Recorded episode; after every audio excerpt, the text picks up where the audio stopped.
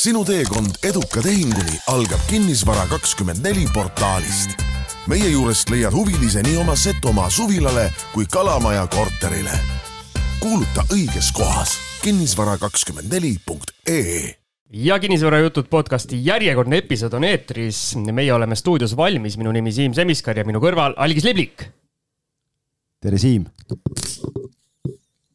katki läksid, katki läksid või? kuulsid? kuulsin, mis see oli? Ma ei jõua seda joogipausi ära oodata, mõtlesin, ma võtan ühe sõõmu head lumiorava vett kõigepealt, et siis tuleb hea saade.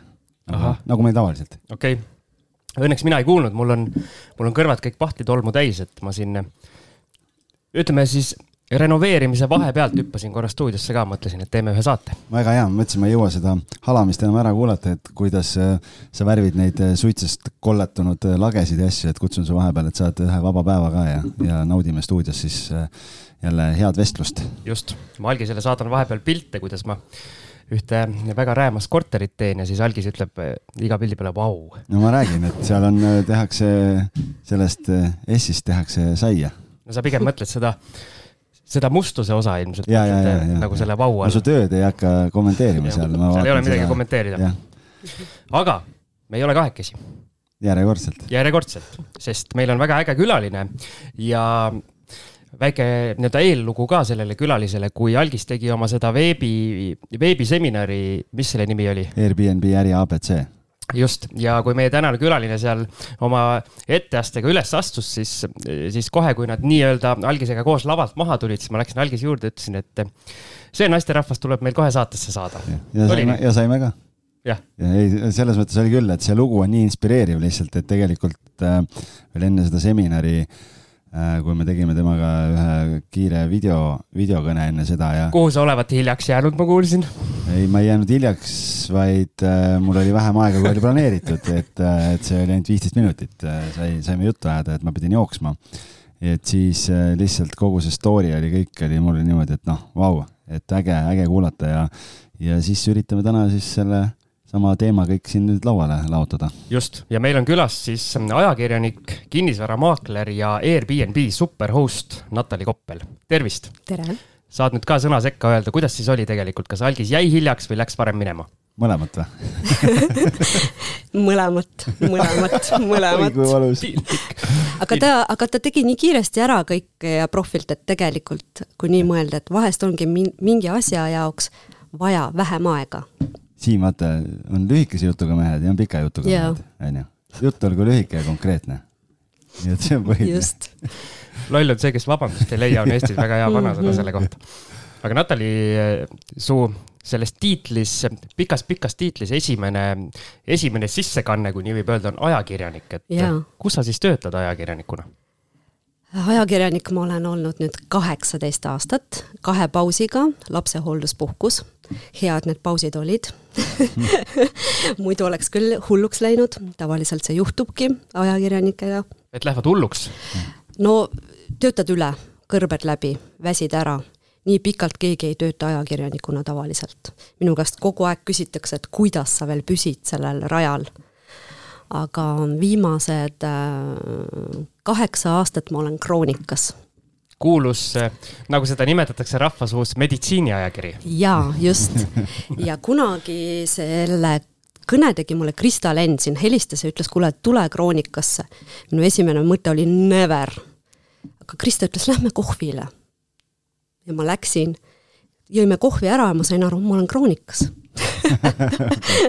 et ta oli nii äh, osav, osav rääkija ja tegelikult ma ei ole siiamaani seda kahetsenud et äh, mulle öeldi, et ära mine sinna, sa väsid ära, sa ei jõua teha iga, iga nädal jälle uue staariga intervjuud, et see lihtsalt äh, äh, kõrbed läbi ja sa, et maksimum, mis sa seal töötad, on kaheksa kuud kuni aasta. Kuule, aga teie olete Kõmu ajakirjanikud, on ju, ja Kõmu ajakirjanikud, ütleme ka rahvusvahelisel tasandil on ikkagi üsna sellised mitte nii väga, väga heas kirjas äh, inimesed, et käiakse ja, ja fotograafid ja kaamerad on nina all kogu aeg ja siis tullakse ja lähed restorani sööma, seal ei lasta rahulikult süüa ka ja kõik käivad ja kogu aeg jooksevad järgi ja Eestis see vist nii hull ei ole meil? ei ole üldse. meil ei ole ühtegi paparatsot, mitte ühtegi ja kõik need lood, mis meil Kroonikas sünnivad, see on absoluutne koostöö inimesega.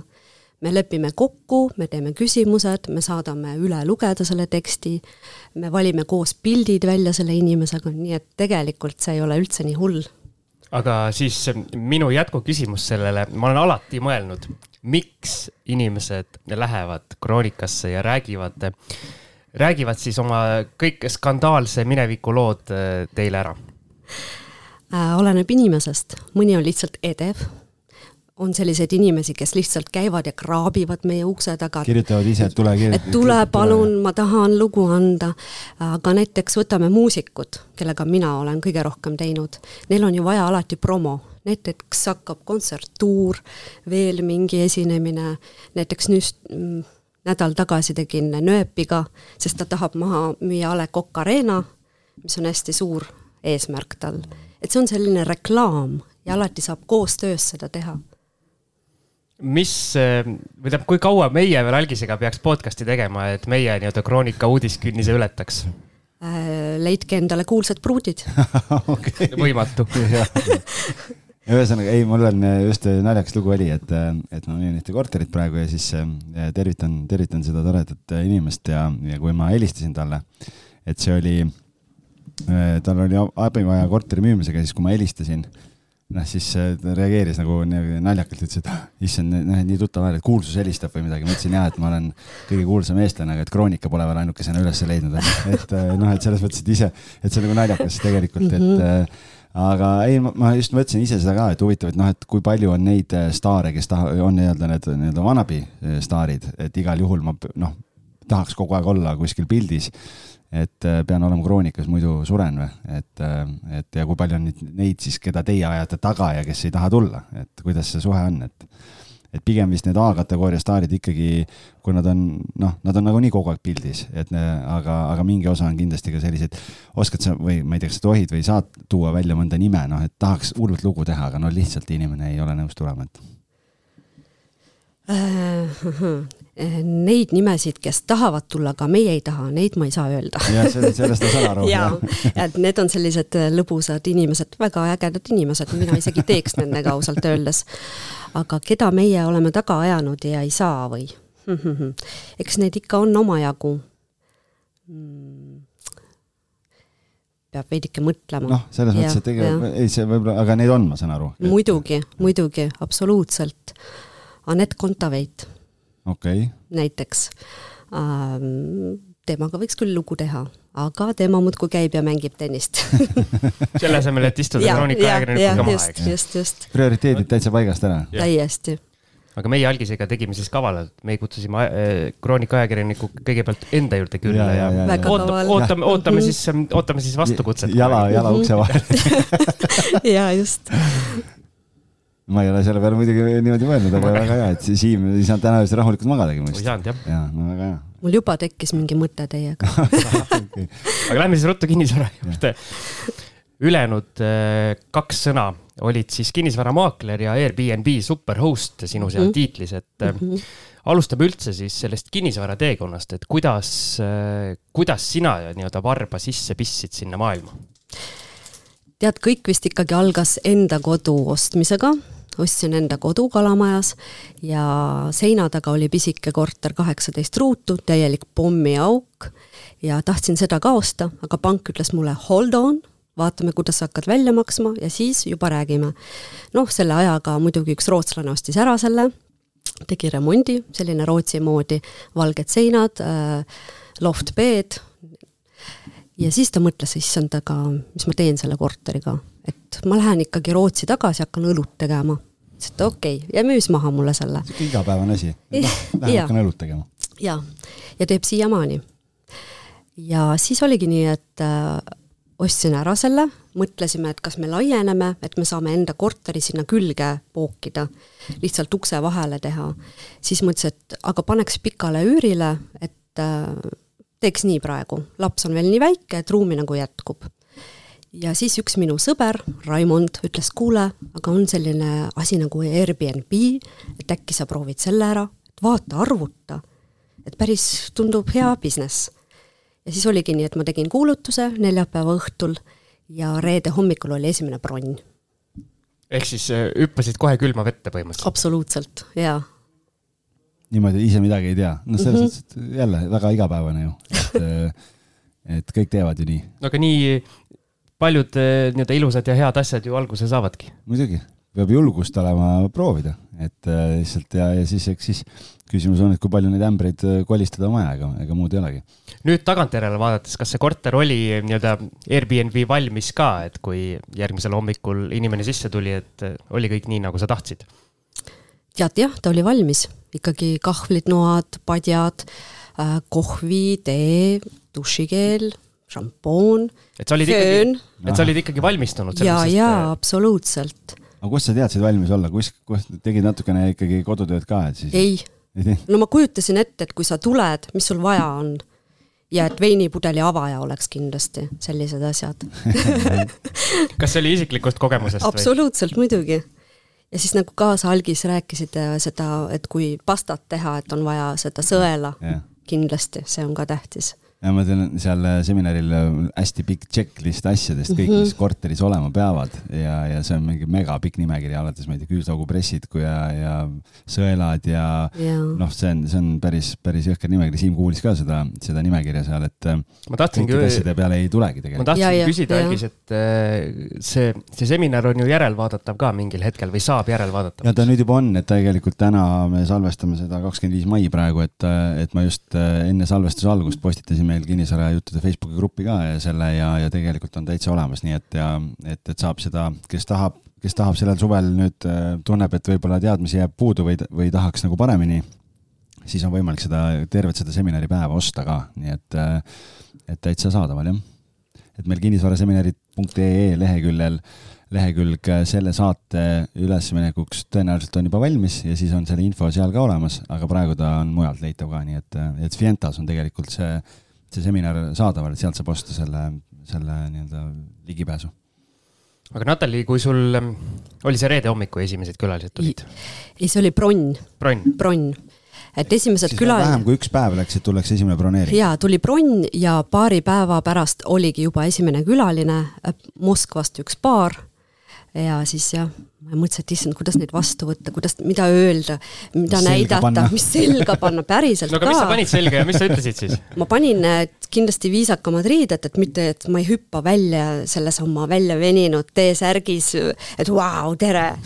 ma alati ikka kammin ära ennast, panen veidike korralikumad asjad ütlen welcome, räägin paar sõna kalamaja kohta ja kui ma näen, et inimene on väsinud, siis ma ei hakka talle kalamaja ajalugu ette vurama.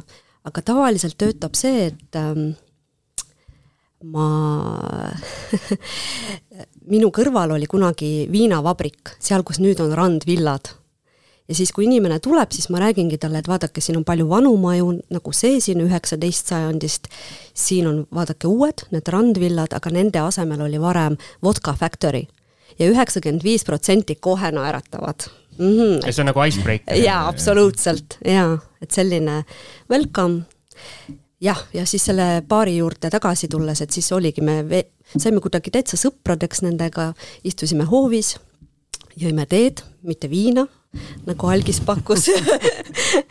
ja siis nad saatsid mulle veel äh, aastavahetuseks jõuluks enda tehtud ehted Moskvast, see oli hästi armas üks asi, mis mulle seal seminaril sinu puhul kohe nagu nii-öelda kõnetas või imponeeris, oli see, et kui, kui Algis siin kõikides meie saadetes ja igal pool, kus ma teda Airbnb-st rääkimas olen kuulnud, üritab maksimaalselt kõike ära optimeerida ja automatiseerida ja mis need moodsad sõnad kõik on, siis sinu see lähenemine tundub olevat täiesti risti vastupidine, et sa ongi nii, et lööd iseennast lille, lähed, lähed sellele külalisele või külalistele vastu mm, -hmm. näitad neile piirkonda, kui vaja, siis istudki, jood nendega teed, et hoopis teistsugune lähenemine mm. -hmm. on nii? ikkagi inimene, ma ütleks.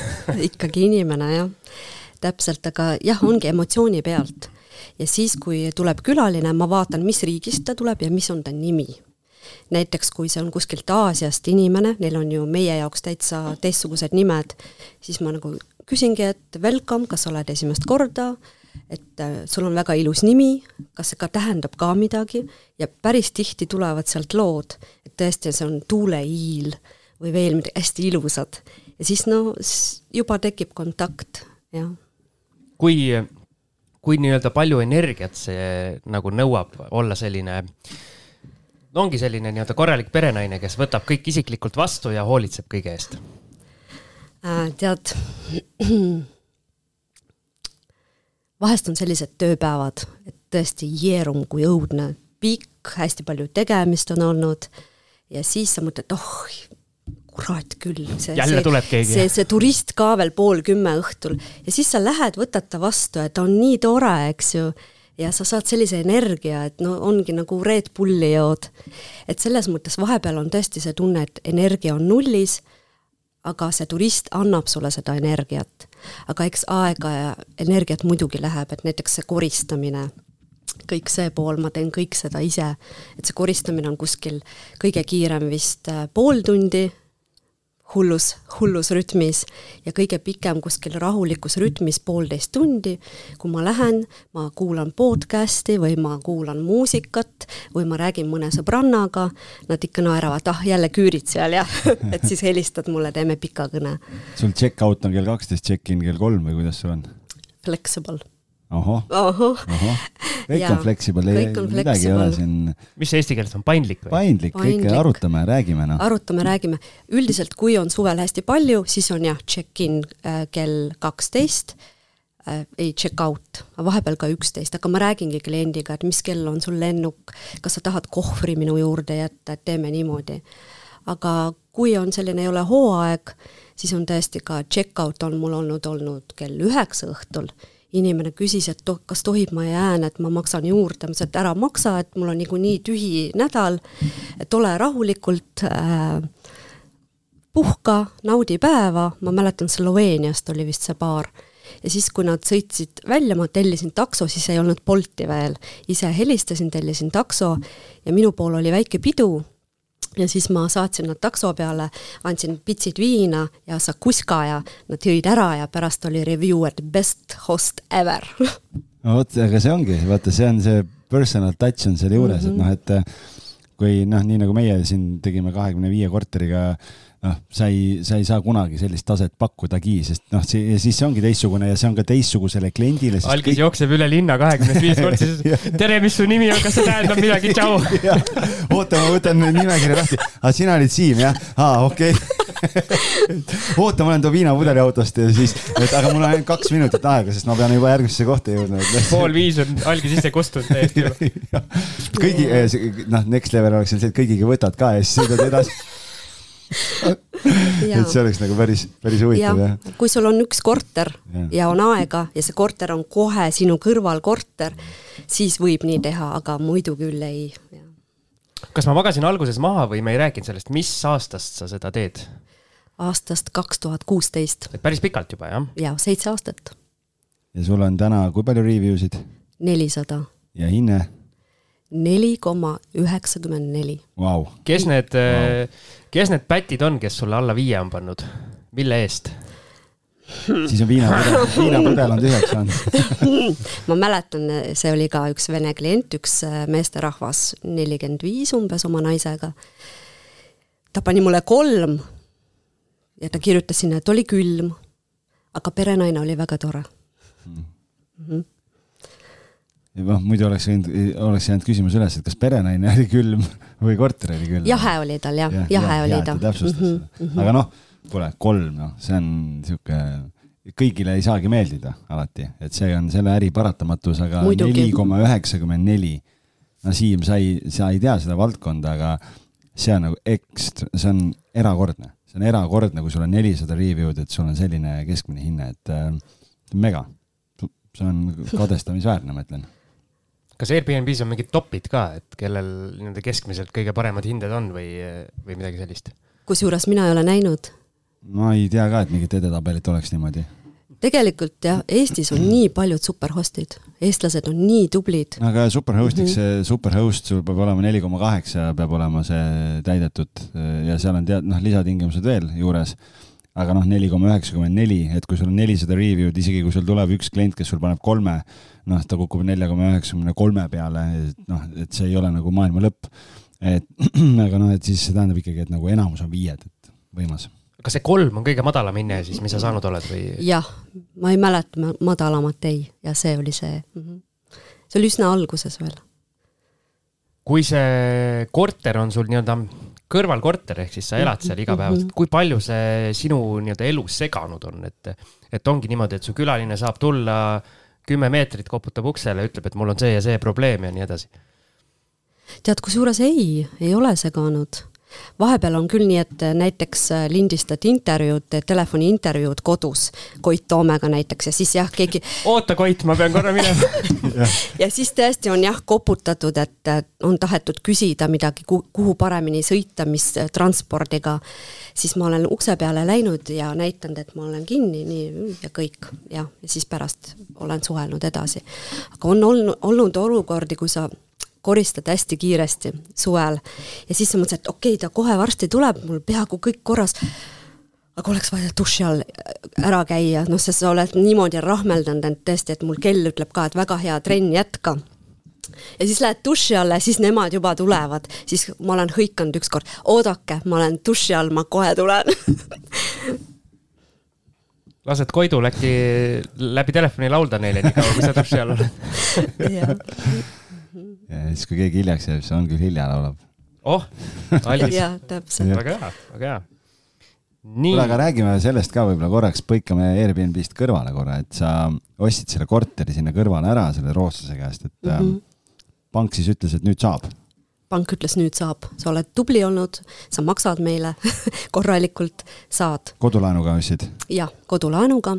see korter on kaheksateist ruutu ja ta maksis tol hetkel aastal kaks tuhat kuusteist, kolmkümmend üheksa tuhat. sihuke Vaida korteri hinnaga, Siim. jah. olid ajad jah, sissemaks oli kümme protsenti, kolm tuhat üheksasada siis, ma sain aru, et mul ei ole seda raha aga kraapisin kõik kokku, mis ma sain, kõik mõtlesin välja, mul oli ka selline hästi suur veinipudel selline jurakas ja see oli kõik sente täis. ma läksin sellega panka, seal on see spetsiaalne automaat ja seda raputasin seal, kõik seisid, vaatasid, vau, mis summa siit tuleb, mis summa, kuskil kuussada euri tuli. Okay.. ja siis ma mäletan, et ma läksin, tegime tehingu ära ja ma läksin poodi, mul oli viimane raha mul mees ütles, et kuule Rimis, ostame Rimis seda pitsat ja Coca-Colat, et me saame kõhu täis praegu, ma ütlesin, et davai, väga hea mõte. ja siis nagu tähistasime, jõime seda Coca-Colat, pitsat ja. ostame leiba või ostame korteri? sentide eest pole, pole siin saates vist keegi kunagi korterit ostnud. tatat ja leiba ja näed, peaasi, et korter ostetud on. väga õige kas sa pidid seal äh, nii-öelda Airbnb jaoks seal korteris väga palju veel seda üles ka vuntsima või see remont oli nii hästi tehtud selle rootslase remont poolt? oli värske, tal oli seal see köögimööbel ja siis loft bed, narivoodi, eks ju. ja ülejäänud asjad ma ostsin juurde, siis ei olnud IKEA-t siis ma piinlesin, siis ma mõtlesin, kuidas ma ostan, aa, kuidagi Soome IKEA-st saime mingid asjad. siis üks diivan oli ühe naise käest kasutatud, ostetud jah, läksin seda ostma, seal diivani peal istus kass ja küülik see oli selline naljakas lugu.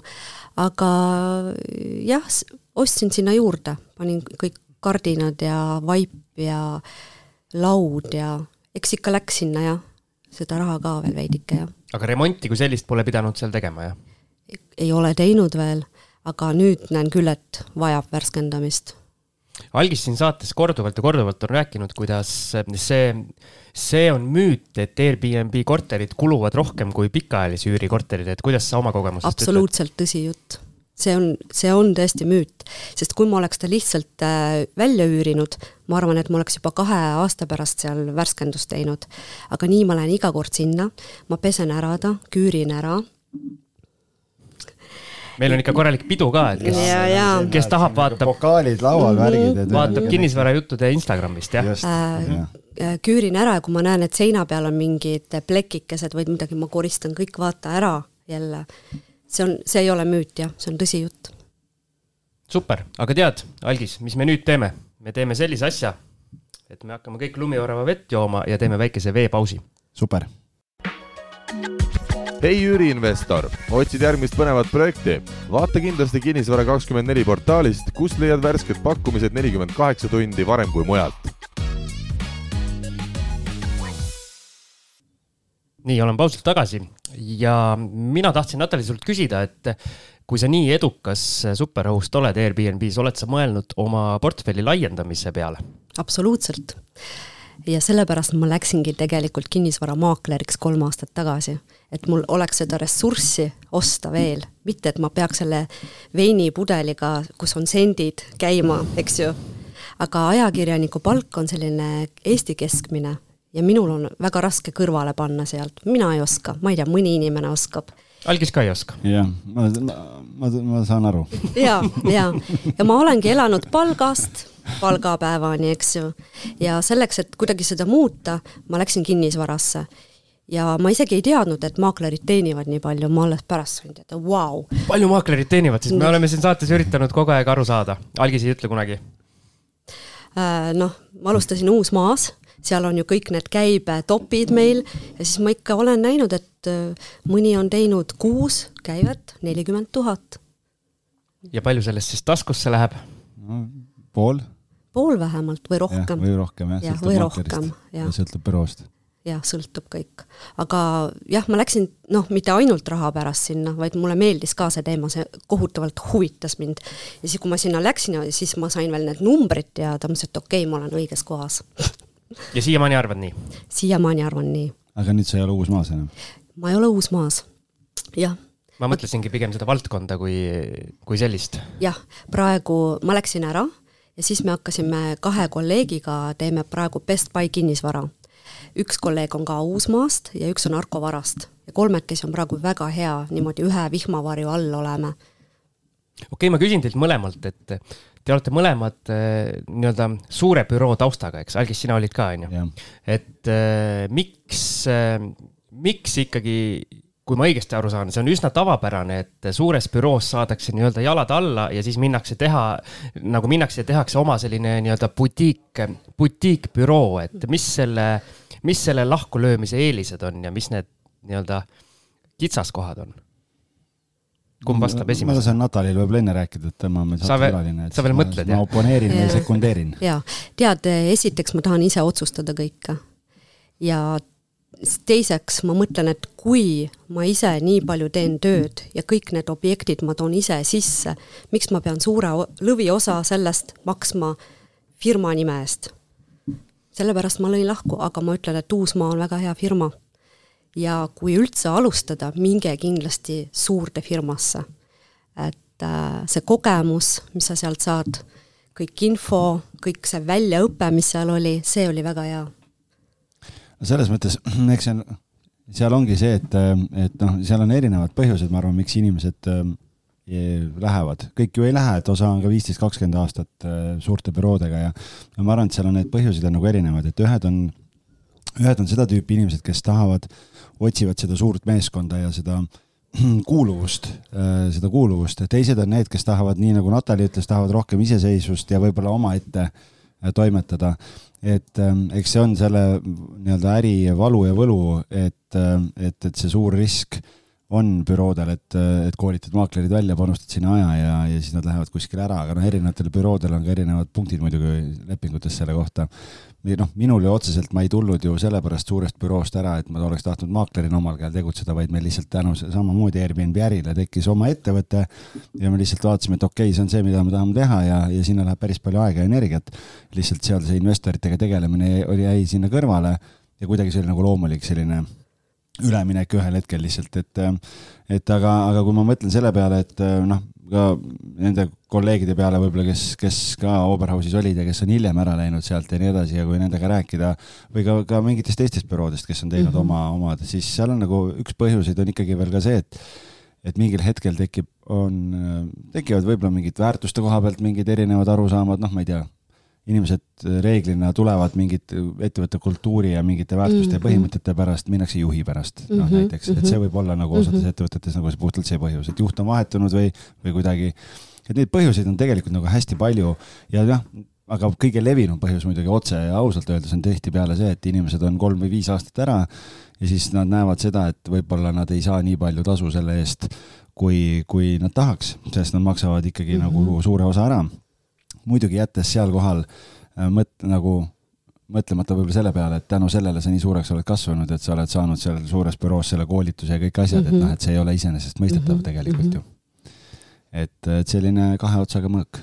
just. aga Natali, sinu juurde tagasi tulles, miks sa ikkagi siis veel nii-öelda kahel ametikohal edasi rabad, et miks mitte see ajakirjaniku töö jätta teistele teha mm -hmm. ja siis äh, täiega kinnisvaramaaklerina tegutseda?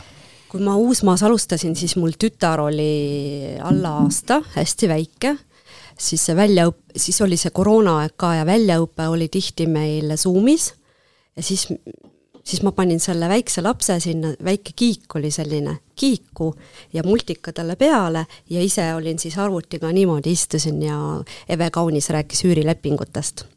Et aga ma tegin selle õppe läbi, sain käima ennast ja siis ma tundsin lihtsalt üks hetk, et see laps on nii väike ja maakleri töö on selline, et sa jooksed ju hommikust õhtuni mööda linna. Ja näiteks kui ta on haige, ma ei saa joosta. Ja siis ma mõtlesingi, et ma tulen suur, suurest büroost ära. Ma lähen tagasi palgatööle, siis mul on olemas sissetulek ja selle palgatöö kõrvalt teen kinnisvara.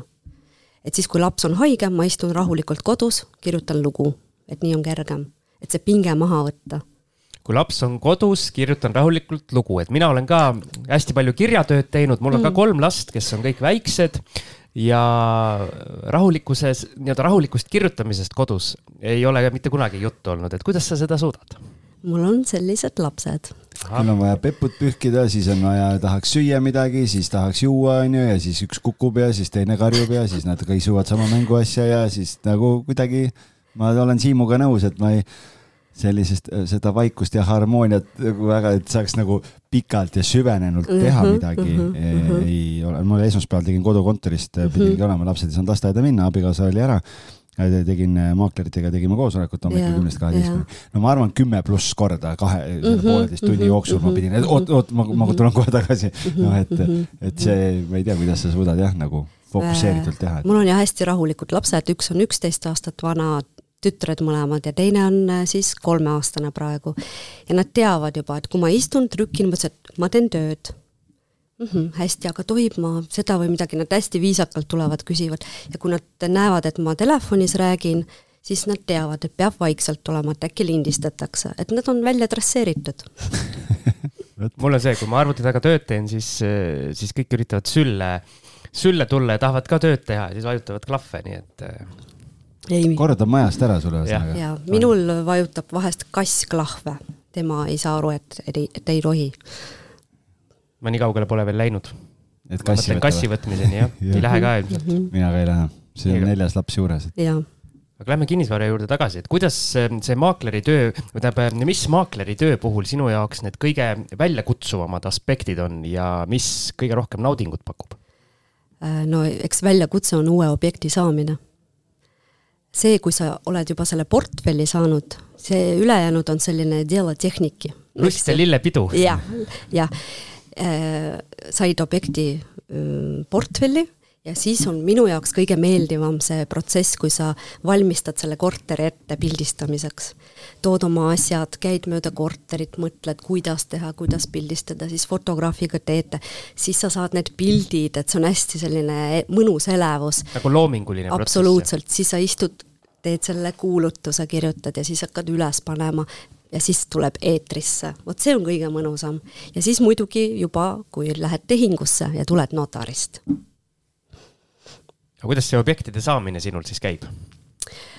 eks ikka vahepeal on tuttavate kaudu ja, ja ma olen teinud ka külmasid kõnesid päris korralikult. mäletan Uusmaas üks kuu ma tegin ligi kakssada kõnet et seal Exceli tabel, kuhu kirjutad, äh, kuhu helistad, kellele, mis ta ütles, kõik oli selline väga tõsine töö. ja, ja minu teada meil on ühest ähm, maailma kõige produktiivsemast külmast kõnest äh, vist ka üks boonusosa siin lubatud, on nii? On nii. ja sellest lihtsalt diiseri mõttes ütleme, et sellest ühest kõnest tuli mitu objekti sulle oi, pean kokku lugema. enne sa lugesid meil seitse või kaheksa. midagi jah, jah, jah, ei Ühesõnaga... näppudest piisab jah, aga no, kuskil niimoodi. boonusosas me räägime, kuidas ühe külma kõnega saab omale seitse või kaheksa, mis iganes, mhm, pärast loeme kokku need objektid, kaheksa objekti üks maakler. ja Algis, sa oled tark mees, kust saab meie boonusosasid? Patreon.com kaldkriips kinnisvarajutud. tubli poiss. nii. Mina tahan küsida selle maakleri töö koha pealt seda, et noh, nagu korra mõtlesime muidugi, et noh, et naljaga pooleks, et vaata Natali käib siin celebrity tega, kuulsustega neid lugusid tegemas, siis on see visiitkaart läheb niimoodi, et noh, kuule, by the way on ju, et kui sul on vaja, et siis ma tulen müün su villa maha. ja kui su kümnemilline villa müüki läheb, et siis jaa on nii või? äh, villat veel ei ole olnud jah, aga esimene objekt, mis ma müüsin Köie tänaval, see oli ühe tuntud näitleja korter, jah, tõesti. no näed, network loeb ikkagi, et Jaa, äh, aga- see on tegelikult päris nutikas, päris nutikas plaan niimoodi, et see on päris hea. nojah, päris igaühele niimoodi ei, ei, kõik oleneb olukorrast ja inimesest, jah. Nii väga äge aga. vastupidi ei ole, et need kliendid, kelle korteri oled maha müünud, et need eh, sokutad kroonikasse ka.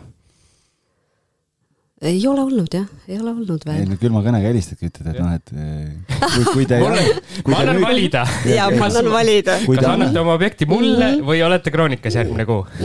jah, päris hea. või noh, mõlemat pidi, et noh, et kui, kui te annate müüki, siis ma teen teist loo või on see, et kui te ei anna, siis noh, olge valmis. Olge valmis. siis tuleb lugu. see vist oleneb inimesest, et kas sa nagu meelitad või ähvardad sellega. täpselt.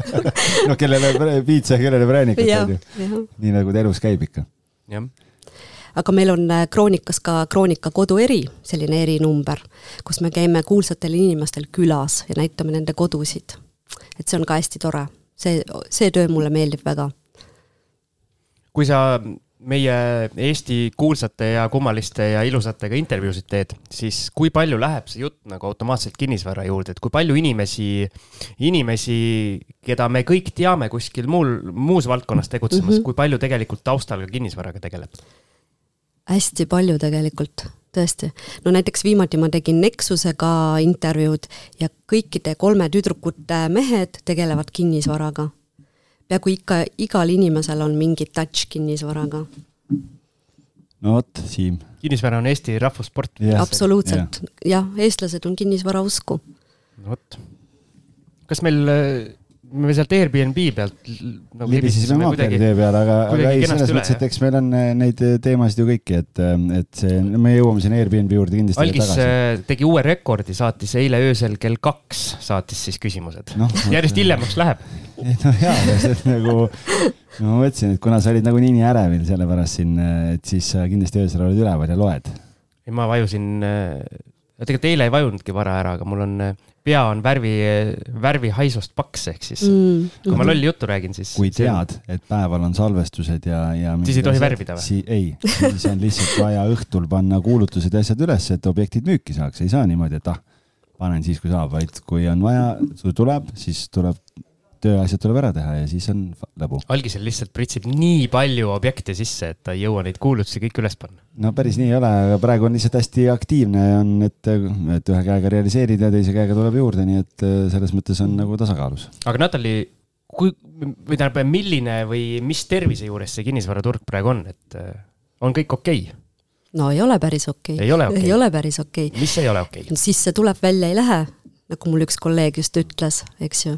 aga oleneb objektist, objektist ka, kui on ikkagi mingi väga hea asi ja adekvaatse hinnaga, see ikkagi läheb ära. kuule, kui sa müüd siin üheksasaja tuhandesi kortereid, noh siis, siis, siis on jah, seal tikutulega taga ostjaid, et äh, nii ta on, et Mm -hmm. kui äge oli selle suure buumi ajal siis maakler olla, et põhimõtteliselt panid kuulutuse ülesse ja siis mattusid kõnede alla, oli nii või? oli nii jaa, ja tõesti läksid näitama ja ei ole veel ust lahti teinud. inimesed juba pressivad sisse. ma ju, ma, ma võtan ära selle, ära, ära nüüd kellelegi veel näita. Ära üldse ust lahti teegi, ära ust lahti tee, ma võtan selle ära. mõtlesin, et vau, vau, vau, et nagu, et lähme ikka vaatame üle ja ei, ei, mul ei ole vaja vaadata, ma võtan selle ära. kui palju sina neid koridori ülepakkumisi tegid, et äh, rahvas oli kõik ukse taga vaatamas ja siis kakssada viiskümmend tuhat esimest korda, kakssada viiskümmend, aga kolmsada tuhat esimest korda. tead, ei teinud, sest äh, minu taktika on ikka noh, kõigil tegelikult ilmselt, et alusta ikka kõrgemalt ja, ja kui läheb, siis läheb. aga kui kohe ära läheb, siis ei olnud piisavalt kõrgelt alustatud vist. no seal oligi, et teised ütlesid ja, et ma võtan ka ära, aga hinda mina üle pakkuma ei hakka. no tegelikult äh, mul on näide eelmisest reedest, salvestame seda neljapäeval ja mul oli reedel selline olukord. algiselt tavaliselt kõik näited on eile või üleeile. ja, ja läksin, läksin korterit näitama mm -hmm. äh, Narva maantee nelikümmend majas. See on hostelmaja, on ju, ehk et seal on kõik külaliskorterid ja seal kodulaenuga osta ei saa, et mul tegelikult selline päringuid tuli hästi palju, mul kaks korterit oli müügis seal. ja päringuid tuli ühele väiksemale korterile, maksis sada kümme tuhat, oli päris palju, seitsmeteist ruudune korter. Mm.. ja sada kümme tuhat hind, noh, Siim, ruudu hind on päris ambitsioonikas, onju. väga ja seal oli äh, kümne, kümneruudune äh, rõdu, see oli noh, sihuke tere, terrass, et ta oli esimesel korrusel. oota, seitseteist ruutu 17... nagu elatavat pinda pluss siis? pluss, pluss rõdu. pluss rõdu, mhm. onju. ja siis äh, vaikus, vaikus, vaikus, noh, sellepärast, et kõik olid kodu, kodulaenu ostjad kõikide, noh, et pidi, pidin nagu mhm. selgitama olukorda, siis ütlesid, aa, et noh, siis ei saa. ja siis tuli kaks klienti, sättisin nad üksteise järele, lähen näitama, esimene inimene tuleb, ütleb, et et eh, no ja, et ikkagi see maja on nagu äge, et talle meeldib ja, ja noh, et ilma pangata kliente on ju. ja et, et just, et see rõdu, noh, et kui nii äge, siis küsisin, noh, et kas hinnas kaubelda ka saab, ma ütlesin, noh, et me tegelikult, tegelikult tuleb teine klient just veel, et te võite ju teha pakkumise, aga noh, et ärge kirvega tulge, on ju. sa oleks pidanud soovitama nagu Jüri Preobrazhenski tegi, et ostab ainult terrassi ära üks no just, et, et ja, ja siis ma ütlesin, no teine klient tuleb veel, et noh, et lihtsalt te peate siis arvestama sellega, et kui mm -hmm. teine klient äh, ütleb, et tema äh, tahab osta, aga ta pakkumist ei tee, noh, et siis te jääte nagu ilma, onju. Mhm. ja siis ta ütleb, okei okay,, noh, et ma ei tee pakkumist, et äh, mulle väga meeldib, et ma tahan ära osta, et noh, et öelge sellele teisele kliendile ära, et ei ole vaja tulla, ma ütlesin, ma ei saa ära öelda, sest ta on juba mhm. kohal, onju. ta on juba kohal mm, -hmm. et ma pean talle ära näitama, aga noh, et okei okay,, et me võime nii kokku leppida, et ma siis lihtsalt talle ütlen, et noh, et kui teiega tekib mingit tagasilööki, et noh, et siis tema nii-öelda äh, on nagu järjekorras number kaks. noh, et läks ära, nii õnnelik kõik, onju. tuleb teine klient ja räägime kõike, siis ma rääkisin talle selle olukorra ära, onju, ja ja siis ma küsisin, noh, et kui palju teil eelarve on, et mul on teine korter on veel siin majas, et äh, mhm, sada üheksakümmend kolm tuhat on ju, et mhm. suurem kahetoaline ja noh, suurem kahetoaline, sellega võrreldes suurem, sest ta oli alla kolmekümne ruudu kahetoaline onju. ja siis, äh, ja siis ta ütleb, et aga kui ma ostan mõlemad korterid korraga, et kas ma siis saan järjekorras esimeseks wow.. noh, et siis, siis jah, et äh, nagu asjalood nagu muutuvad, onju. ja siis ma pidingi helistama sellele esimesele kliendile ja ütlema, et näete, kahjuks noh, et ma küll nagu ütlesin, et te saate, aga et kuna praegu teine klient ostab nagu hulgi, noh, siis ilmselgelt omanik tahab ju temaga mhm. minna tehingusse, et mõlemad korraga ära müüa. nii et kaks pangata klienti mõlemad ja natuke meenutas seda eelmise aasta olukorda, noh, et äh, kerge mhm. FOMO tekkis seal mm. -hmm et, et, et aga see on mingi huvitav Murphy seadus on korteritega, mul on teiste korteritega samamoodi vaikus, vaikus ja siis, kui tuleb klient, tuleb mitu tükki korraga ja, ja keegi jääb ilma. absoluutselt, kogu aeg on nii. korter seisab vahepeal kaks kuud ja siis kolm inimest ühel ajal. ja mul ühes korteris oli nii, et pisarateni üks neiu lihtsalt tuli sisse, nägi, et seal on teised kliendid sest keegi hilines, keegi tuli varem ja hakkas nutma seal. aheldas ennast köögimööbli. ta on juba hiljaks jäänud. et ta ütleb, et see, see on minu kodu ja nutab. kas ta aheldas ennast köögimööbli külge ka või? Seda, seda mitte, aga ma nagu ütlesin talle, et rahune maha ja tavaliselt noh, sellise kliendiga peab ettevaatlik olema. et ei, ma ei tahtnud teda tõugata tehingusse, et mõtle läbi, siis ta hakkas rääkima, et ta hakkab mingeid aktsiaid müüma ja mõtlesin, et nagu mõtle läbi, kõik, kõik on läbi mõeldud. Ja siis oligi nii, et hästi, et äh, ja siis oligi nii, et keegi ei tahtnud pakkuda üle, ma pakkusin neile, et pakkuge hinda kõrgemat, keegi ei pakkunud üle ja siis ma ütlesin talle jah, et see on sinu oma. aga ausalt öeldes ma, mulle tundus, et ta ei ole päris tõsine klient, tuli välja, et on et on nii tore tüdruk ja nii iseseisev hakkaja naine tuli välja, aga vot selline emotsionaalne hetk oli jah, et pisarateni kusjuures äh, üürimisega just seal odavamas otsas, kus mina tegutsen, on mm, -hmm. on samamoodi, et pikalt seisab, seisab ja meil saates külas käinud äh, poemüüjaga, me ükskord arutasime seda teemat mm -hmm. ja temal seal Vaidas, tema jõudis arusaamisele, et asi on selles, et odavama otsa üürijad, kui on palgapäev ära, siis kõik elavnevad, seepärast neil on raha -hmm. see esimese kuu üür ära maksta uues kohas ja siis hakatakse pommitama no muidugi, kui sa müüd kahesaja tuhandest korterit, siis ma arvan mm, -hmm. asi pole selles palgapäevas siis, siis ei ole jah mm -hmm. Aga lihtsalt sellised huvitavad, nii-öelda huvitavad järeldused võib-olla. kuule, aga võib-olla siis äh, kinnisvaraturu kõrvale siia küsimus Airbnb turu kohta ka mm, -hmm. et äh, koroonaaeg ju tuli vahepeal, et äh, ja, ja siis väga paljud korterid läksid ju pooled, noh, mina mäletan, kui me alustasime kaks tuhat seitseteist, oli umbes tuhat kuussada, tuhat seitsesada korterit ja, Tallinnas. siis see kasvas paari aastaga kolme tuhande viiesaja peale Airbnb-s ja siis tuli koroona ja siis Robinal ju me kõik mäletame, see eh, pikaajalise üürikorterite pakkumine läks kahe tuhande peale, normaalne on seal tuhat kakssada, tuhat kolmsada. et eh, ja nüüd ma vaatasin, kui me seda seminari tegime et oli seal tuhat kuussada kuuskümmend üks Mhm. korterit Tallinnas, et me oleme tagasi nii-öelda viie-kuue aasta taguses ajas mm. -hmm. et kuidas sa praegu seda Airbnb turgu näed, et kui noh, ütleme siin venelasi riiki ei lasta mm -hmm, ja, ja mm, mhm. -hmm. ja Covidiga kadusid turistid ära ja nii edasi, et kuidas ku,, kuidas Airbnb turg praegu on, kui terve või katki ta on? tead, ma vaatasin enne statistikat, et palju mul üldse bronne on olnud öö, nende aastate peale, neid bronne on kuskil üle tuhande, tuhat kakssada või nii. ja siis see süsteem mulle näitas tegelikult, et nõudlus on praegu viiskümmend kaks protsenti rohkem kui aasta tagasi. okei okay. jaa, et äh, ma imestasin ka, et kas tõesti on nii no eelmine, noh, okei okay,, aasta tagasi ei julgenudki keegi tulla, sellepärast et siis olid just pommid lendama hakanud, on ju, et täna noh, inimesed no jaa, nagu võib-olla emotsionaalselt on natukene maha, maha rahunenud, kuigi mingid ohu, noh, me oleme ohutsoonis ikkagi. no aga kuidas sa tunnetad, kuidas, kuidas see sõda si- nii-öelda muutunud on, ma saan aru, sul nii-öelda Vene klient oli, oli üsna tavaline Jaa. enne, nüüd enam ei ole? ei ole ühtegi näinud Ühtegi enam. jaa, nii kui koroona algas, ma ei ole ühtegi enam näinud. Aga kes su põhiklient on?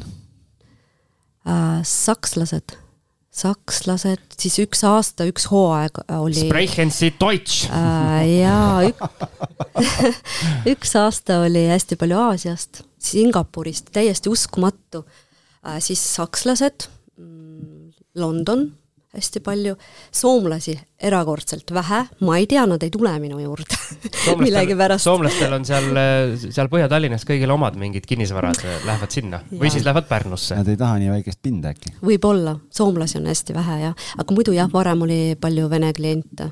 eriti muidugi aastavahetus oli alati kindlasti Vene klient. Singapuriga oli siis? Ma ei saa aru, miks nad tulid, kas mingid keegi käis ja lennud, soovitas või kuidagi või? ma küsisin ka, et miks te tulete kõik, ka ei tea, et mingi miks te tulete? ja et miks te tulete jah, et palju, palju teil veel? ja, ja siis nad ütlevad, et ja, et kas neil oli mingi len-, lennukompanii lendas või mida, mingi teema seal oli. seal ilmselt mingi Singapore Times avaldas, et Jaa. äh, Natalja Koppel, Airbnb, very good host ja kõik ja, Three hundred reviews, four point ninety five. oli nii? No muidugi. jah. ma arvan, mingi oli kapten käis äh, ööbis ja siis ei- tuututas, et kui te tahate kuskile Jaa. minna, et siis minge sinna. mis kapten? lennukikapten. aa, jah, meil siin äh, paar lendurit alles olid külas. Mm. ja tuleb äh, selleks ajaks, kui see saade tuleb, nüüd on juba olnud, aga meil jah, käis stuudios käisid kaks lenn, lennukikaptenit, ahah, pilooti käisid mm -hmm. külas. minul on praegu minu Airbnb-s üks kutt Birmast ja poolteist kuud võttis ja ütles, et ta on lennuinsener ja tuli siia õppima. poolteist kuud on äh, päris rahulik päris rahulik, ma ei kuule, ma ei näe teda. ja ma mõtlen, ei pea koristama, ei pea ei midagi. pea koristama ja ta küsis küll, et kas koristus on hinnas, ma ütlesin, et kahjuks mitte.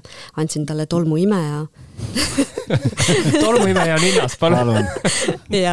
aga tead, Algis, enne kui edasi lähme, teeme oma teise pausi ka, sest lumiorav vajab joomist. ja vajab.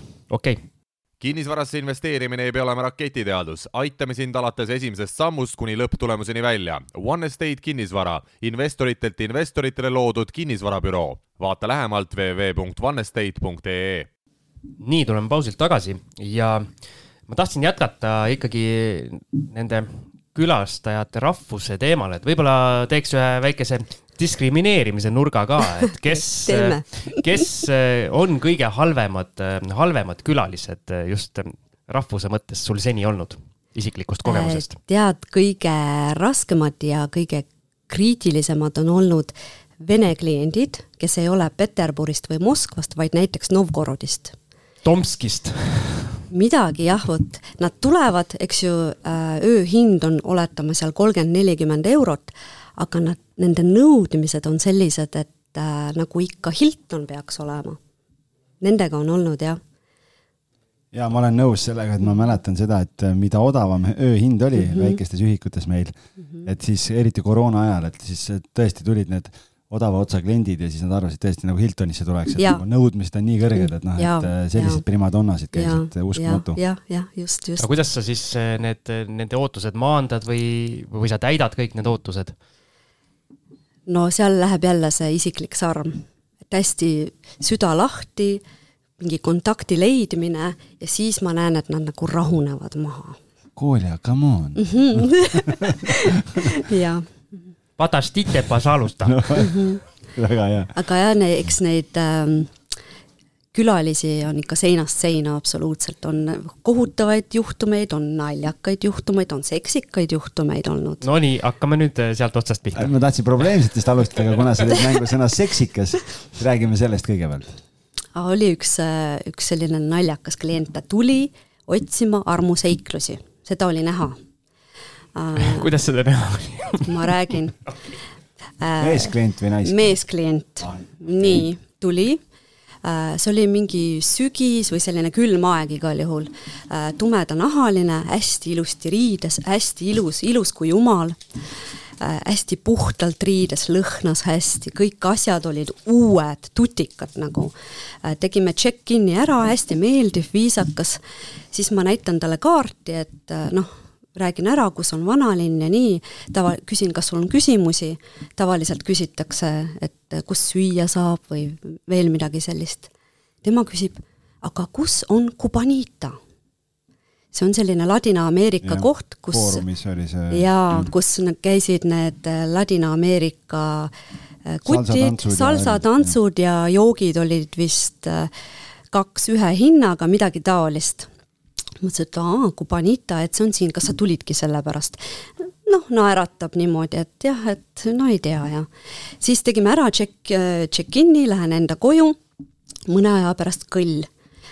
üks küsimus, veel midagi, veel midagi ja ma sain aru, et ta kogu aeg tahab, et ma tuleks ta juurde juttu ajama. siis ta küsis minu käest triikrauda. ma ütlesin, et okei okay,, kohe toon. koputan uksele, avab mulle selle ukse värskelt duši alt tulnud, nagu Ameerika filmides vaata, ülakeha paljas, rätik ümber, ümber jalgade, veel viimased piisad jooksevad mööda keha ja selline naeratus, no klassika selline Ameerika, oi kogemata tegin ukse lahti. Ja rätik kogemata ja rätik peaaegu kukub kohe kogemata, andsin talle selle triikraua, mõtlesin okei okay. ja, ja jälle naeratab, jälle hakkab küsima midagi, läksin ära, jälle, jälle kirjutab, jälle mingi küsimus, jälle midagi. ja siis ma juba lõpuks ütlesin, et tead, vot siin on link, siit saad endale toitu tellida. siis rahunes maha. aga oli tunne jah, et ta tuli nagu seiklusi otsima ja siit äh, meie kinnisvarajuttude see äh, telesarja neljas osa saab äkki alguse. teise hooaja neljas Jah.. meil on neid episoode nii palju. jah, ma mõtlesingi neljas hooaeg. neljas hooaeg jah, jah, jah. ja et see on äh, põnev. ma ütlen, meil on ikka, kui on mõni stsenarist, et siis võtke ühendust, et me anname materjali, et tehke valmis. jah, mis me anname siit, hakkad esimesest osast kuulama ja kinnisvara Puhas kuld., kinnisvaraseiklused. mm.. Mis sul äh, veel võib-olla selliseid huvitamaid seiklusi naljakate klientidega on meeles? no mul endal, minu üks naljakas hetk oli see, et äh, siis, kui hakkas see koroona ja kõik need äh, Airbnb äh, kõik see book imine, kõik kukkus ära, eks ju, kõik No kukkus kokku tühistati ära ja, ja siis ma alustasin alles seda maakleri teed ja raha ei olnud ja siis me hommikul mehega istume, joome kohvi, naerame. mõtlesin, et no mis me edasi teeme ja äh, üks prantslane oli just sisse kolinud, kaks ööd võttis, inglise keelt ei rääkinud ja siis oli kah niimoodi, et istume, joome kohvi, raha ei ole, naerame, koputus uksele. teen ukse lahti, tal on sülearvuti lahti, seal on kirjutatud inglise keeles, et kas ma tohin jääda veel üheks kuuks, siin on raha ja hoiab nagu lehvikuna seda raha mulle. et kas ma tohin jääda? ma lihtsalt noogutasin, võtsin raha vastu, naeran, noh, et vahest ja ta jäi neljaks kuuks. loodus tühja kohta ei sägi mm. -hmm. see suurem koroonaprobleem siis Jah, läks, läks jah, selle prantslase abil jah üle, jah?, jah, just kas tema jäi ka siia nagu koroonavangi kuidagi või? ei, ma küsisingi, et, et mis sa siin teed või ta ütleb, et õpin inglise keelt. väga kummaline. ja noh, küsin, et, et kas see elamine ikka sobib sulle, see on nii väike, et neli kuud seal olla. jaa, see on minu koht, ma ei lähe siit mitte kuhugi, see on minu koht, mina pean siia jääma. ma ei tea, kui palju tema triikrauda tahtis saada? üldse, üldse ei jah? tahtnud, jah prantslased tõid riigiriideid. aga on mõni, mõni selline nii-öelda rahvussegment, kellega lähebki kõige kergemini, et võib-olla mõni Põhjamaa rahvas, kes ei taha üldse suhelda, et umbes, et kui sa hakkad neile isegi kaarti näitama või lähimat toidukohta juhatama, et siis pigem on aru saada, et nad ei taha suhelda. see ikkagi oleneb inimesest, ma olen tundnud, aga Aasia inimesed on need, vot keda mina ei loe ära, ma ei saa aru, kas nad tahavad suhelda või, või ei taha. kas, äh, kui sa neid vastu võtad, kas sa surud neile kätt või ei suru või sa lihtsalt teed, eks ju, niimoodi kummardad. vot Aasia inimene on minu jaoks saladus. no see Aasia on piisavalt suur kant ka, et see ja. võib päris erinev kõik sa olla. vahest räägid talle midagi ja sa ei saa üldse aru, kas kas on hästi, on halvasti, et äh, see kontakti leidmine on hästi raske. aga ükskord oli üks Aasia tüdruk, tuli oma emaga ja tema oli hästi lahti selline, tahtis kallistada ja nägi mind ja naeratas ja mõtlesin, et mis vau, vau, vau, vau, vau, mis nüüd nagu toimub, et Aasia inimene on salapärane minu jaoks ja. aga on sul mingeid väga suuri probleeme ka olnud, et tõesti mõni selline klient, et sa oled pidanud, ma ei tea, broneeringu poole pealt ära lõpetama või et tulevad ja et Siim ja Algis võtavad korteri ja, ja tulevad ja panevad ühe korraliku kräu sul seal? eks ta on vaata nii väike korter, et seal äh, pidusid ei toimu. seal põhiliselt ikkagi nad magavad, pesevad, noh, söövad midagi. aga üks aastavahetus oli küll jah, äh, tuli üks vene paar Moskvast, hästi noored, kahekümneaastased umbes. ja nemad siis seal korraldasid küll korraliku jama et äh, nad tõid mulle lihtsalt võtme ära, kui oli check out ja siis mina läksin koristama. Ja siis, kui ma selle ukse lahti tegin, mõtlesin, et what the fuck? Päriselt, et noh, et mis siin on juhtunud. esiteks äh, see kõik põrand oli klaasikilde täis, voodipesud olid sellises ühes hunnikus, verega koos kõik, mõtlesin, et mis asja siin on toimunud ja siis see redel, vaata, mis läheb sinna noh, selle Nari. narivoodi, see käib ka ära, sellega nad olid kukkunud vastu seina ja seal oli üks äh, auk seinas küprokis. siis ma mõtlesin, et küll, mis toimub, kirjutasin Airbnb-sse, et siin on selline jama juhtunud ja helistasin ise sellele kutile. kutt võttis vastu, kuulas ära mu, oli kaine ta oli kaineks saanud, nad olid lihtsalt purjus olnud seal ja ju nad tulid kuskilt, kukkusid, klaas läks katki ja siis oli see veri seal. ja siis ta kuulas mu ära, ta nii siiralt vabandas, et nagu tõesti hingest, et ütles, et ma maksan sulle kõik kinni, mis sa veel tahad, ma saadan sulle. siis ta saatis mulle ühe kunstniku albumi, mis ma tahtsin, Vasja Loškin, ja veel kaks äh, selle kunstniku tassi ja lahendasime ära ja Airbnb-st ka küsiti, et kuidas teil lahenes, ma ütlesin, et kõik on hästi. aga ma ei pannud talle review'd üldse mm. mm. -hmm. jah, seal on see valik alati, et kas, kas jätad review või mitte ja kui on, kui sa saad aru, et inimene tegi mingi jamaga, sai hakkama, aga et see oli võib-olla õnnetus või kogemata, siis teinekord on targem võib-olla jätta kirjutamata see review, sellepärast et kui sa kirjutad review ja klient näeb, et okei okay,, ta kirjutas ja ma ei tea, mis ta nüüd sinna kirjutas mm, -hmm siis ta võib kuidagi kirjutada ka mingi kahtlase review sulle sinna vastu, et siis targem on mitte võib-olla torkida, et äkki tal endal ei ole mm -hmm. meeles, kuigi Airbnb saadab meeldetuletust, et kuule mm, -hmm. et. Äh, aga kas klient ise ei näe, mis, mis si suust kirjutab? siit ta näeb, et äh, Natali kirjutas talle review, aga ta Natali review'd näeb siis, kui ta on ise Natalile review üle kirjutanud, siis on mõlemad. seal on näevad. see trikk, jah see on nagu selline oh, kirjutan sulle nii hea review, et siis sa kirjutad mulle ka. et sa ei tea, mis teine kirjutab. et sa ei tea, jaa mm. -hmm väga huvitav. ma ütlen, see Airbnb maailm on huvitav. kuule, aga minul jäi üks asi meie esimesest videokõnest jäi kõlama ja ma tahan selle täna, et sa sinuga läbi arutada uuesti. sa ütlesid mulle sellist asja, et Airbnb muutis sinu elu. absoluutselt. mida see tähendab? see tähendab seda, et äh, ma tõesti hakkasin mõtlema teistmoodi. vaata, sa lükkad käima selle nii väikese äri, aga see on nagu sinu äri, sa ise otsustad, see annab sulle vabaduse ja see kannustab sind tegema midagi muud see oligi see samm, et miks ma läksin kinnisvarasse, ma kogu aeg mõtlesin, kas ma lähen, kas ma proovin, kas ma saan hakkama. ja kui ma tegin seda Airbnb-d ja ma näen, et, et mul läheb hästi, see andis selle tõuke, et mine kinnisvarasse ja ela veidike teistmoodi. Mitte nii, et sa käid selle, nende sentidega seal pangas ja tegelikult see üldse nagu muudab sinu suhtumist ellu. et selline vabaduse tunne. aga millal siis järgmine objekt äh, portfelli lisandub? tuleb, ma otsin head diili.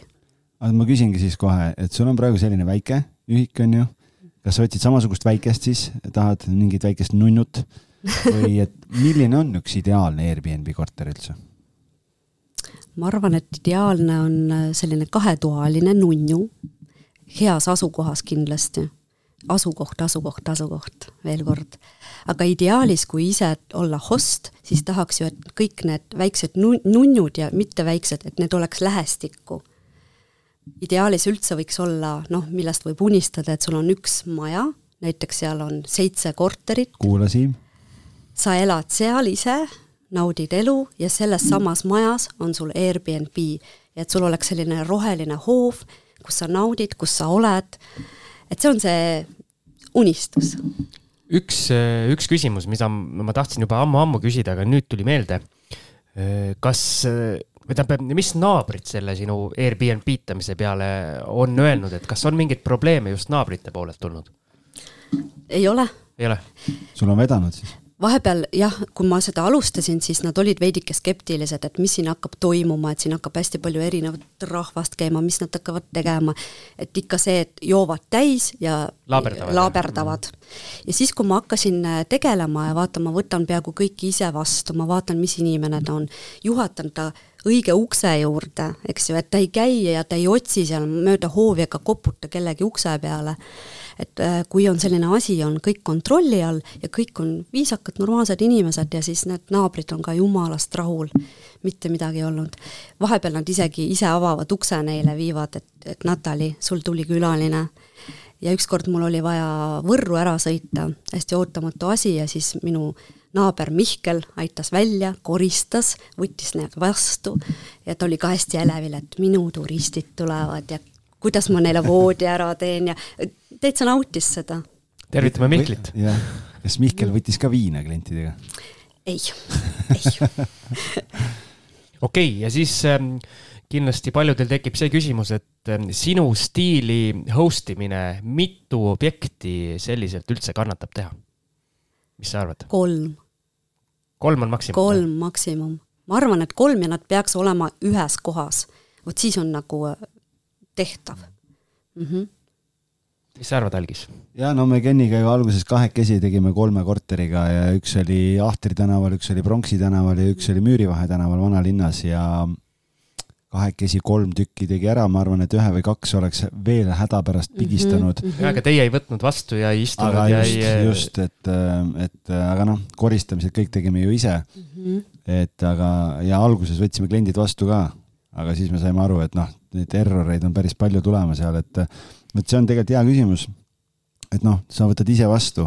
meil oli neid juhuseid, kus klient tuli, pidime pool neli kokku saama, onju, et siis helistad, ta ütleb, et aa, me siin just me lennujaamas siin teeme väiksed õlled või, või siin kõht läks tühjaks, et sööme noh, siis sa ootad seal kohapeal, onju, muu elu seisab.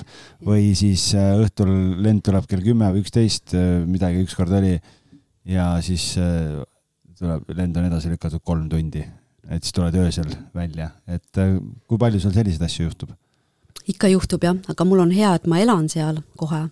aga kui see lend tõesti hilineb kolm tundi, siis ma kirjutan talle, et kuule, vuti on selles salakohas, kõik saadan fotod. mati all. umbes nii jah, et äh, ja, ja leiavad üles ilusti ja siis ütlen, et pärast kirjuta mulle kindlasti, et kas sa oled sees ilusti. no meil oli siin alles ju ühes hiljutises saates, kus siin Nii. isegi üürikorterid, üürnikud käivad ise vaatamas, võti all. korterit näidatakse niimoodi? ja, ja, ja nagu... isegi maju näidatakse nii no,. see on ulme mm -hmm.. lillepoti alla panin sulle sinna, panin võtme mm. -hmm. mine käi ära mm -hmm. ja pane mhm. tagasi mm, -hmm. ära ühtegi asja kaasa võta aga mis su kaugem eesmärk on? Üldse kinnisvaraga seonduvalt või, või siis ka Airbnb-ga seonduvalt eraldiseisvana? seesama unistus, millest ma rääkisin. üürimaja siis või ja, Airbnb maja? ja, ja, ja. vaikselt naabrid välja süüa, et ma saaks kuus või seitse korterit endale ja, ja siis on korras. palju selles majas, palju selles majas kokku kortereid on? kümme, aga omanikke on vähem. okei okay. tervitame siis Mihklit ja mõnda naabrit veel. jah et see maja, kus ma elan, see olekski see väga ideaalne ja kui see terve maja oleks minu oma hakkad, hakkad otsast minema ja ega kaua aega ei võta ju. No aga muidugi siis peaks just naabritele seal erroreid tekitama. no ma mõtlen just, et ikka põrguks tegema, et keegi ei taha seal elada ja ütleb, et tee sinu asju, mina lähen ära, aitab sellest jamast siin okei okay,, ärma, äh, ei, ei anna. oleme ikka, me oleme ikka heatahtlikud ja, ja inimesed on toredad. no Natali näitab ju kogu osa või kogu see episood on näidanud, et äh, nii-öelda headusega jõuab ja, kõige kaugemale. vallutad maailma ikka. headusega ja, et vahepeal äh, võtab külalisi vastu ka minu mees Andrei. ta ei räägi eriti inglise keelt, saab aru, aga ei räägi ja ma ütlen ka inimestele, et, et noh, et nad teaks. ta võtab neid nii vastu ma saan pärast selliseid review sid, et Andrei, maailma kõige parem inimene, lahke, kõik, mina ei tea, kuidas ta mi... ta noogutab iga asja peale. ja, ja, ja ilmselt, et ta oskab eriti hästi kuidagi inimestele läheneda. ja ta on mulle õpetanud selle, seda mm. -hmm. no vot, Siim, õpi noogutama. Siim noogutas, väga hea. ja tervitame Andreid ka siis.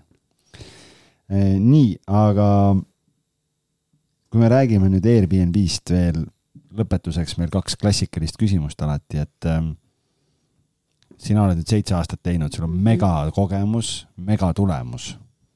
mis on mingid peamised õppetunnid, mida sa, mida me täna võib-olla ei ole veel rääkinud või kui sa mõtled nüüd oma seitsme aasta teekonna peale, mis on need peamised asjad, mida sa tahaksid rõhutada või välja tuua neile, kes plaanivad Airbnb-d tegema hakata?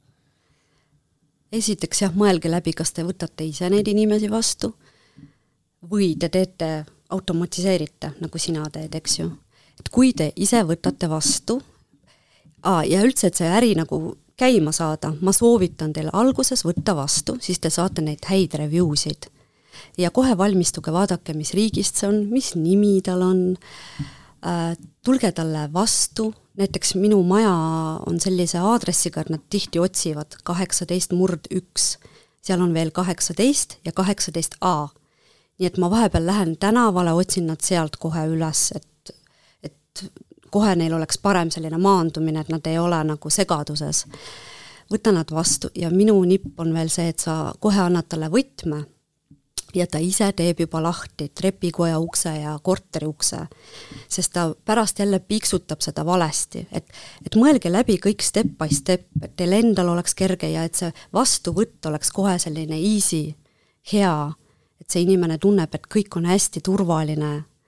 et äh, alustage sellest, teine asi, korter peab hästi puhas olema et ma arvan, et võtmeisik ongi siin tegelikult koristaja tihti. see on kõige olulisem asi. see on kõige olulisem asi. kirjutan kahe käega, kümne käega kirjutan alla ja kui te äh, tahate teha Airbnb-d, ärge pange kunagi sinna dušikabiini, see, mis käib lahti kokku, te jääte seda pesema, nagu mina, kogu aeg pesen seda dušikabiini, hästi palju aega läheb sinna, aga ma mul ei ole võimalik seal ümber teha lihtsalt. Ja siis ma jälle kuulan äh, Rammsteini ja nühin seda dušikabiini, eks ju, tuhast ja et, et see on jah niimoodi, dušikabiin on kohutav, ärge kunagi pange seda.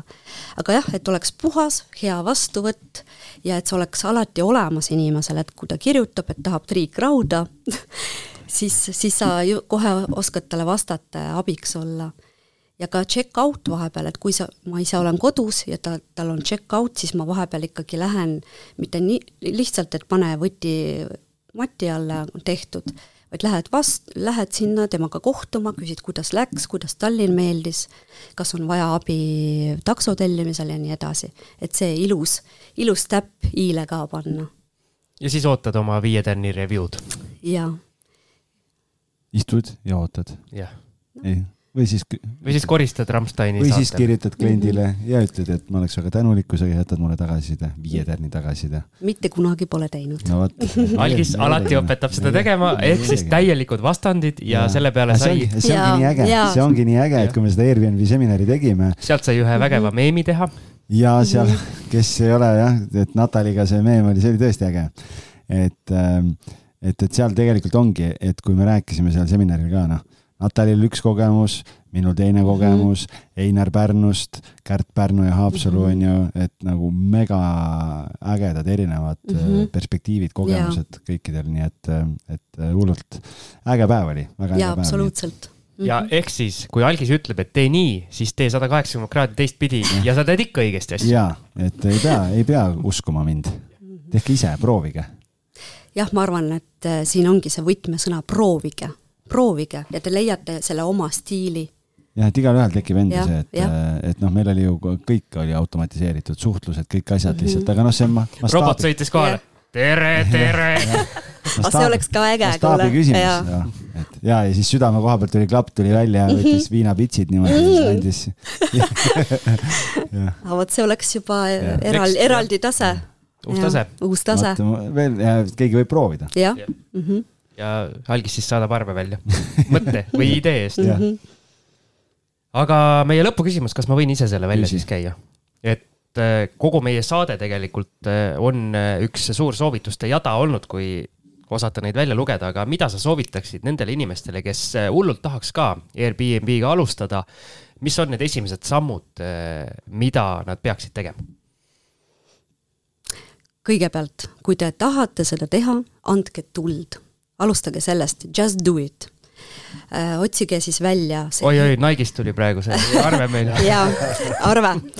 kõigepealt otsige välja hea objekt, et see asukoht oleks perfect äh,. sisustage, koristage ja arvestage sellega, et teil läheb sinna aega, energiat, kõike, kõike, kõike, pange alguses kõik sinna sisse, võtke vastu need inimesed ja pärast juba võib automatiseerida ja lihtsalt juba nautida seda tulu.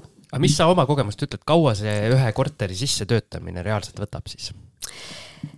no minul läks äh, see esimene suvi, ütleme nii, jah. et ma üürisin välja seda hea hinnaga äh,, olin hästi flexible ja isegi tegin ühe öö kaupa mis on täiesti hullu, hullumeelne.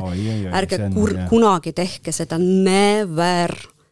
et äh, minul on ka praegu miinimum kaks ööd, ma isegi olen mõelnud, et võiks suvel panna miinimum kolm ööd, tegelikult oleks rahulikum. kas see hulluks teeb see asi, et sa iga päev koristad lihtsalt siis? jaa, iga päev ja suhtled, vahetad lina, üks nägu, vahetad lina, teine nägu, ma jooksin niimoodi ikka terve suvi ja ma mõtlesin, et miks ma teen nii. aga ma sain käima selle asja, jah eks see on iga ettevõtmisega niimoodi, et alguses see käimalükkamine on keeruline osa mm -hmm. ja mhm. tuleb hästi palju mm -hmm. energiat sisse panna ja mhm. pärast mm -hmm. nagu, nagu Natal ütles, siis naudid. jah, just.